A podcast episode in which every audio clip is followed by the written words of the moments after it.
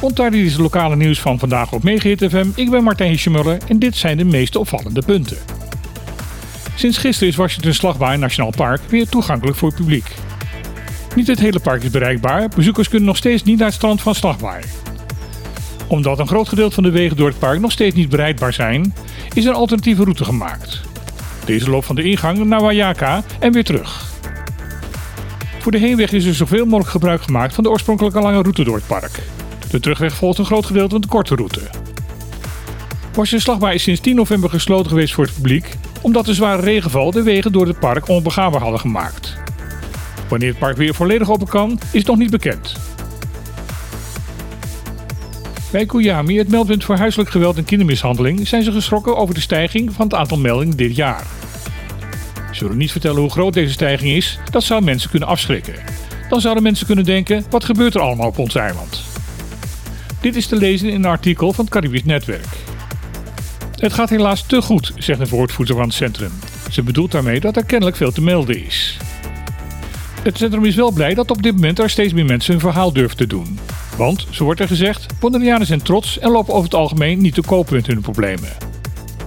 Wat erbij opvalt is dat ouders kennelijk op dit moment zich meer bewust zijn van wat er wel of niet kan binnen de opvoeding. Het gebeurt steeds vaker dat ouders samen met hun kinderen komen praten over de problemen binnen het gezin. Wat ook opvalt is de stijging van meldingen door ouderen.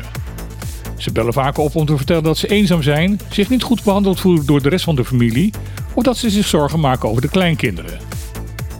Het meldpunt is bereikbaar via het gratis telefoonnummer 0802 0802. Volgens het Centraal Bureau voor de Statistiek is er een positieve trend te bespeuren als het gaat om de armoedebestrijding, maar is de inkomstenongelijkheid alleen maar groter geworden. Volgens de jongste cijfers van het CBS zouden in 2020 nog maar 23% van de Bonaireaanse bevolking onder de armoedegrens leven. Dit getal wijkt sterk af van wat de lokale organisaties ervaren. Die houden een percentage van 40% aan. Bij de berekening van de armoedecijfers houdt CBS en de BES dezelfde normering aan als in Europees Nederland. Volgens die norm ligt de armoedegrens bij 60% van het gemiddelde inkomen van het onderzochte gebied. Het gemiddelde inkomen in de BES lag in 2020 op 17.500 dollar. In Europees Nederland was het ongeveer 36.000 euro. Iets meer dan het dubbele dus. De inkomstenverschillen zijn de afgelopen jaren gestegen in de BES. In 2020 verdiende de rijkste 20% van de bevolking 9,3 keer zoveel als de armste 20%. In Europees Nederland verdiende in 2020 de rijkste 20% ongeveer 4 keer zoveel als het armste deel van Nederland. Wederom wordt in de Tweede Kamer in Den Haag geprobeerd om de kinderopvang in Caribisch Nederland gratis te maken. Morgen zal Tweede Kamerlid Don Seder van de ChristenUnie opnieuw een motie indienen met deze strekking. Hij zal dat doen tijdens de voortzetting van het debat over de begroting van het ministerie van Sociale Zaken en Werkgelegenheid. Tot nu toe heeft het kabinet deze wens geweigerd omdat men geen uitzondering wilde maken voor de BES. Ondertussen is het bekend geworden dat de kosten om de ouderbijdrage van de kinderopvang te innen vrijwel gelijk ligt aan de kosten om de opvang geheel gratis te maken.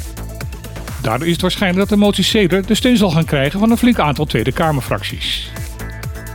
In het debat kwam ook de invoering van het sociaal minimum in 2024 aan de orde. Meerdere fractiewoordvoerders benadrukten dat het onderzoek uiterlijk in september 2023 afgerond moet worden, zodat het minimum meegenomen kan worden in de begroting van 2024. Dit was lokale nieuws op Megahit FM.